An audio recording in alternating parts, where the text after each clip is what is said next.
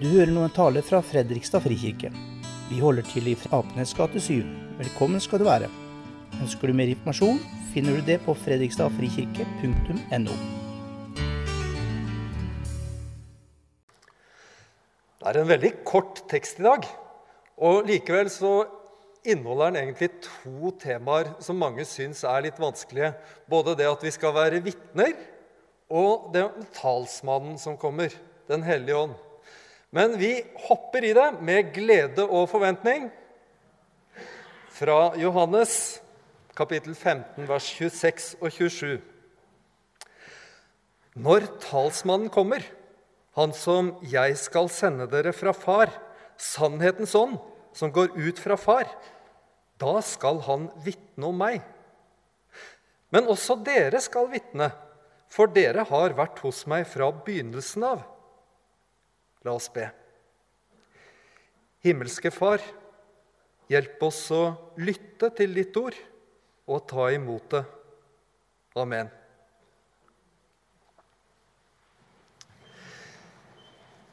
I gudstjenestene her i Fredrikstad frikirke så bruker vi jo stort sett de samme tekstrekkene som i Den norske kirke. Og da er det tre tekster for hver søndag. Det er én som er prekentekst, som regel fra et av evangeliene. Og så er det to tekster som blir lest tidligere i gudstjenesten, sånn som Hanne gjorde i dag. Som regel en fra Gamle Testamentet og en fra et av brevene. Og så er tanken da at de tre tekstene skal belyse hverandre og, og, forklare hverandre på et vis.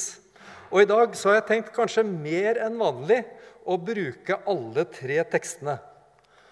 Og den første her, fra profeten Hagai, den er kanskje ikke sånn direkte selvforklarende eller sånn lett tilgjengelig. F.eks.: Hvilket hus er det snakk om her? Eh, hvem i all verden er Serubabel? Hvem er Serubabel? Hvem er det som har oversikt over hvem Serubabel er? Opp med en hånd. Oi! Det var ingen! Ja. Nei, men du, Da er det veldig greit tror jeg, å begynne med en sånn uh, veldig veldig kort oversikt over historien i Gamle Testamentet. En kan egentlig si at det var to store traumer som eh, forma både folkets historie og deres tro. Det første det var eksilet i Egypt, som starta med Josef og slutta med Moses. Og den andre store hendelsen det var eksilet i Babylon. Og han, omtrent midt imellom der så ble tempelet bygget. Og Hvis en skal si det veldig enkelt, så var tida fra de kom tilbake til landet sitt og tempelet var ferdig, det var en periode med mye vekst og framgang, også åndelig sett. Men når tempelet var ferdig, Salmo var død, så begynte det egentlig da en nedgangstid som endte i stormakten Babylon, som var sterke på den tida, og som kom i år 597 og tok både kongen og mesteparten av lederskapet fra Jerusalem. Og så, bare elleve år etterpå, så kom babylonerne tilbake, og denne gangen ødela de tempelet, hele byen, og tok rett og slett folket med seg tilbake i eksil i Babylon. Så var det omtrent 50 år så var det en ny stormakt som var på en måte den sterkeste i gata perserne. Og de lot jødene få lov til å komme tilbake til Israel og Jerusalem. Og da var plan én å bygge opp tempelet. Når grunnmuren til det nye tempelet var ferdig, så står det at det var en eh, kjempefest. Men de gamle, de som kunne huske det gamle tempelet, det står at de gråt under den feiringen. For de så at det nye tempelet her det kom til å bli noe helt annet. Når det første tempelet ble bygd, så var det jo en eh, ganske stor og mektig nasjon. De klarte å samle skatter fra hele verden og fylle det tempelet her med. Og folk kom fra mange land, fjern og nær, for å se og oppleve det der flotte tempelet. Når de kom hjem etter 50 år, så var det jo bare brente ruiner. De var ikke engang en selvstendig nasjon. De var underlagt perserne. De hadde ikke noe egen konge, de hadde bare en slags eh, forvalter, en stattholder, en administrator. Det er Serubabel. Men så prøver de da etter beste evne å få bygd det der tempelet her, og det går ikke spesielt bra. Det stopper helt opp i 16 år, og det er da profeten Hagai kommer på banen med sin profeti. Og han begynner ærlig. Er det noen tilbake blant dere som har sett hvor herlig dette huset var før? Og hva ser dere nå? Ser det ikke ut som ingenting? Men nå, ser du Babel, vær sterk, sier Herren. Vær sterk, hele folket i landet. Vær sterke, sier Herren. Gå i gang med arbeidet for jeg er med dere. Min ånd er blant dere. Vær ikke redde. Og litt lenger nedover. Jeg fyller dette huset med herlighet. Dette nye huset skal bli herligere enn det første, sier Herren over herskarene. På dette stedet skal jeg gi fred, sier Herren. Det må ha vært utrolig oppmuntrende for dem å høre når det hadde stoppa opp så lenge, og det så så gærent ut. Men nå sitter vi jo på en måte med fasiten. da. 2500 år etterpå. Åssen blei det der nye tempelet her? Tja De holdt jo på faktisk fram til Jesu tid. Flikka på det, bygde på det, utbedra det litt. Det blei litt finere og finere. Og særlig omtrent på Jesu tid, med Herodes den store, så blei det i realiteten bygd et helt nytt tempel. Mye, mye, mye finere. Det var ferdig sånn ja, mens Jesus vokste opp. Men det var sannsynligvis ikke så fint som det vi hører om i beskrivelsen av Salomos tempel. Og allerede i år 70, altså mens de første kristne fortsatt levde, så var det romerne som også ødela Herodes sitt tempel. Bare Vestmuren, klagemuren som vi kjenner i dag, sto igjen. Etterpå har det ikke vært noe tempel der. Hvorfor var egentlig det der tempelet så viktig? Bare et hus? Jo, det var jo Guds bolig på jorda. Hvis du ville møte Gud, så var det så enkelt, så enkelt som å, å gå til tempelet. Og ikke minst det var stedet der uskyldig blod ble ofret til tilgivelse for syndene. Så hadde du gjort noe gærent, og det hadde jo alle, så kunne en ordne opp i det i tempelet. Derfor var det også traumatisk, både for folk og troen deres, når tempelet forsvant. Hvor bor Gud nå? Hvordan skal vi finne han? Hva skal vi gjøre med syndeskylden vår? Ingen steder å gjøre det. Derfor måtte de bygge et nytt tempel. Men når tempelet da blei stusslig og svakt og egentlig ingenting å se på, betydde det da at Gud var blitt stusslig og svak og ikke hadde den samme makten lenger? Jeg tenker jo kanskje de fokuserte feil. De tenkte på størrelse, de tenkte på rikdom, de tenkte på prakt. Det var jo Guds nærvær som gjorde tempelet sterkt. Men også når det gjelder Hagais profeti, så er Jesus oppfyllelsen av den profetien. For Jesus er egentlig det nye tempelet. Når Jesus kom, så ble Guds nærvær tilgjengelig for alle mennesker. Jesus var Guds offerlam, som ble ofret én gang for alle, sånn at tilgivelse for synd er tilgjengelig for alle mennesker.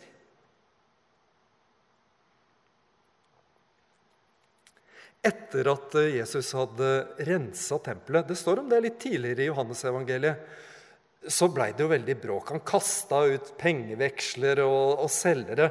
Og jødene sa hva slags autoritet er det egentlig du tror du har, som gjør det her? Kan du i hvert fall vise oss et tegn på at du har rett til å gjøre det? Da sier Jesus,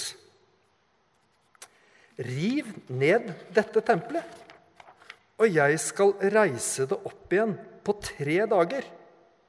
Ja, De hadde akkurat vært med på byggearbeidet til Herodes. I 46 år har de bygd på dette tempelet, og du vil reise det opp igjen på tre dager, sa de. Men det tempelet han talte om, det var hans egen kropp. Jesus er det nye tempelet. Jesus er den oppfyllelsen. Prekenteksten i dag den er veldig kort, men den er en del av et veldig langt avsnitt. Fire kapitler i Johannes-evangeliet er egentlig det Jesus sier til disiplene i løpet av skjærtorsdag. Og i løpet av de fire kapitlene så prøver han å forberede dem.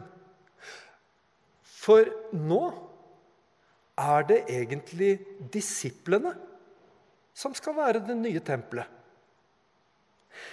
Gjennom dem og deres arbeid så skal mennesker få tilgang til Guds nærvær. Gjennom dem og deres arbeid så skal mennesker få tilgang til Jesu tilgivelse hvis de vil ta imot. Og En kan vel si de hadde rimelig dårlige odds. Altså, Det her var jo rett og slett ikke noe ressurssterk gruppe. Det var enkle folk uten noe utdannelse. Vi får også høre at de hadde lite tro. At de egentlig skjønte veldig lite av Jesu budskap. Men det som gjorde dem og den tidlige kirken sterke, det var jo ikke at de var så ressurssterke, men det var Guds nærvær. Akkurat som med tempelet. Og Jesus er tydelig på at de skal jo ikke bli aleine. Han skal sende talsmannen, som også kan oversettes advokat, hjelper, Den hellige ånd. Gjennom Den hellige ånd så skal Jesus fortsette å være sammen med dem.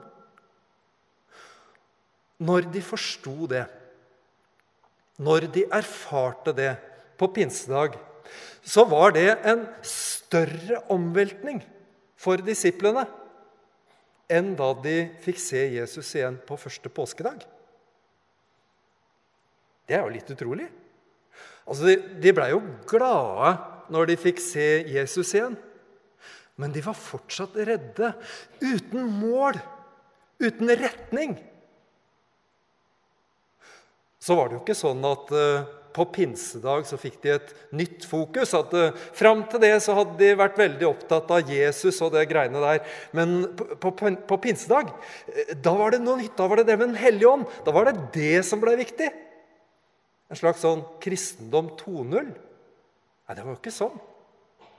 Jesus sier at når talsmannen kommer, da skal han vitne om meg. Og det var det som skjedde. På pinsedag så forsto de hva påske betydde. På pinsedag så ble Jesus tydelig for dem. Så etter pinsedag så kunne Peter og de andre disiplene være det nye tempelet. Peter skriver, 'Kom til ham' den levende steinen, som ble vraket av mennesker, men er utvalgt og dyrebar for Gud. Og bli selv levende steiner som bygges opp til et åndelig hus.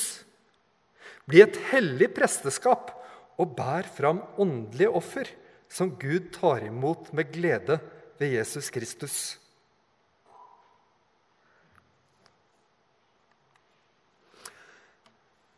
Jeg må snakke litt om Fredrikstad frikirke også. For jeg tenker Fredrikstad frikirke er på mange måter en imponerende menighet. Det flotte kirkebygget vi har. barne- og ungdomsarbeidet. Alle de flotte folka, staben, sang og musikk, alle de frivillige medarbeiderne. Og vi har en retning. Vi vet omtrent hva vi vil. Vi vil inkludere. Vi vil dele troen vår, sånn at vi kan få med flere i fellesskapet. Vi vil inspirere, og ikke til hva som helst. Vi vil inspirere mennesker til å følge Jesus.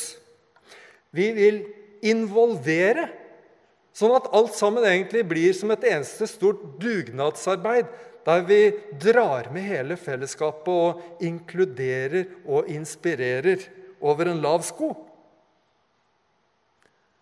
Som alle menigheter så er Fredrikstad frikirke også et slags tempel. I hvert fall fyller vi tempelets funksjon. På grunn av det vi har fått å forvalte, så er det her også et sted Ikke huset vårt, men fellesskapet vårt er et sted der Guds nærvær er tilgjengelig for alle som søker det. Et sted der tilgivelse for synd er tilgjengelig for alle som vil ta imot. Vi er også et byggverk av levende stener.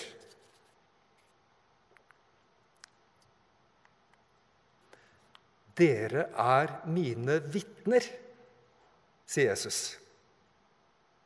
Den kan være litt vanskelig.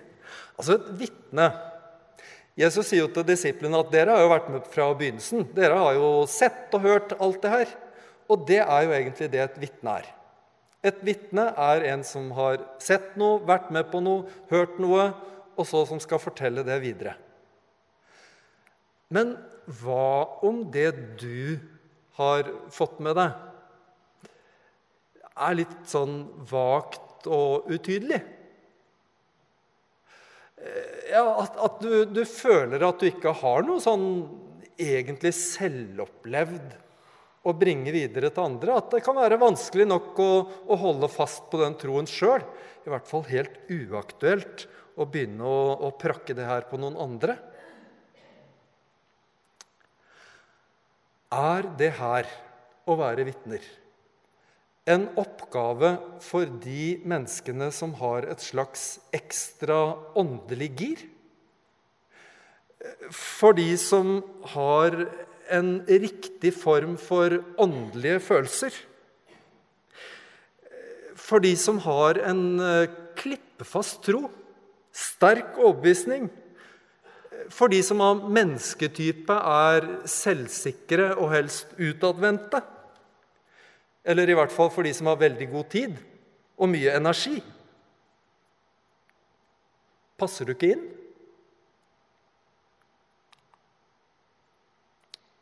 Hva ser dere nå?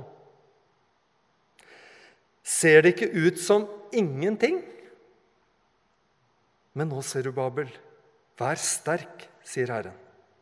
Vær sterk, hele folket i landet. Vær sterke, sier Herren. Gå i gang med arbeidet, for jeg er med dere, sier Herren over herskarene. Min ånd er blant dere. Vær ikke redde. Hva er det som gjør tempelet mektig? Det er at Gud bor der med sin ånd. Hvor bor Guds ånd? Guds ånd bor ofte i det som virker lite og svakt. Gud bygger med levende steiner. Vi tenker ofte at han har litt dårlig byggemateriale å bygge med. Han burde hatt mennesker som var mer åndelige, tryggere, mer begeistra i hvert fall. Men hva er det som gjør Kirken sterk? Og Nå skal vi se litt på den tredje leseteksten. Tjen hverandre, hver og en med den nådegave han har fått som gode forvaltere av Guds mangfoldige nåde. Den som taler, skal se til at han taler som Guds ord. Den som tjener, skal tjene med den styrke Gud gir. Slik skal Gud i ett og alt bli æret ved Jesus Kristus. Ham tilhører herligheten og makten i all evighet. Amen. Guds forvaltere, nei, gode forvaltere over Guds mangfoldige nåde. Jeg tenker, Hvis ikke Gud hadde ønska mangfold, hvis ikke Gud hadde elska mangfold, hvis ikke Gud hadde vært veldig opptatt nettopp av at vi skulle være veldig forskjellige, så hadde han sannsynligvis skapt en sånn fem-seks idealkristne. Og så kunne alle vi andre vært en slags kopier av det. Men det var aldri Guds plan. Det er ikke sånn Gud jobber. Gud trenger levende steiner. Mange levende steiner. Forskjellige levende steiner. Steiner med levd liv. Med sprekker, med sår. Noe som er hardt. Noe som er mer porøst.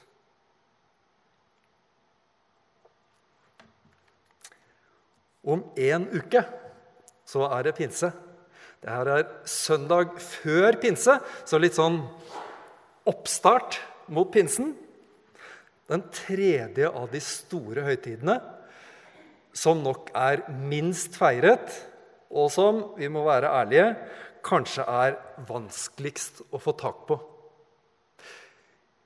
Hvis du er i byen når det er pinse, så vil jeg oppfordre deg veldig sterkt til å komme hit eller en annen kirke å være med og feire pinse sammen. Og komme med litt nysgjerrighet og åpenhet. Og, og, hvis du ikke er her eller i nærheten av noen kirke, så vil jeg likevel oppfordre til å tenke litt gjennom at pinse er noe mer enn bare en ekstra fridag. Kanskje snakke med noen. Kanskje be sammen med noen. Vi har jo fått Den hellige ånd. Men det er så mye annet som også fyller livet vårt. Hvordan skal Den hellige ånd få plass i livet vårt? sånn at Den hellige ånd kan få prege det.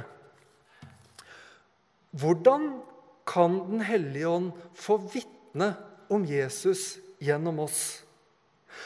Hvordan kan Gud bruke våre gaver, de som vi har fått, i tjeneste for ham? Også de gavene som vi kanskje ikke er klar over at vi har selv, eller er bevisste på?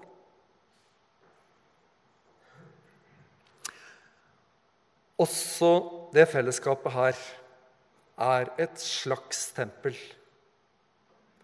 Et byggverk med levende stener. Fordi vi har blitt betrodd Guds nåde.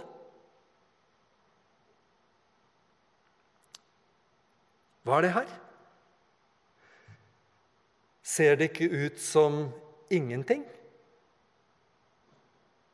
Bare en liten bit av et slags brød, en bitte liten skvett med vin, ser det ikke ut som ingenting.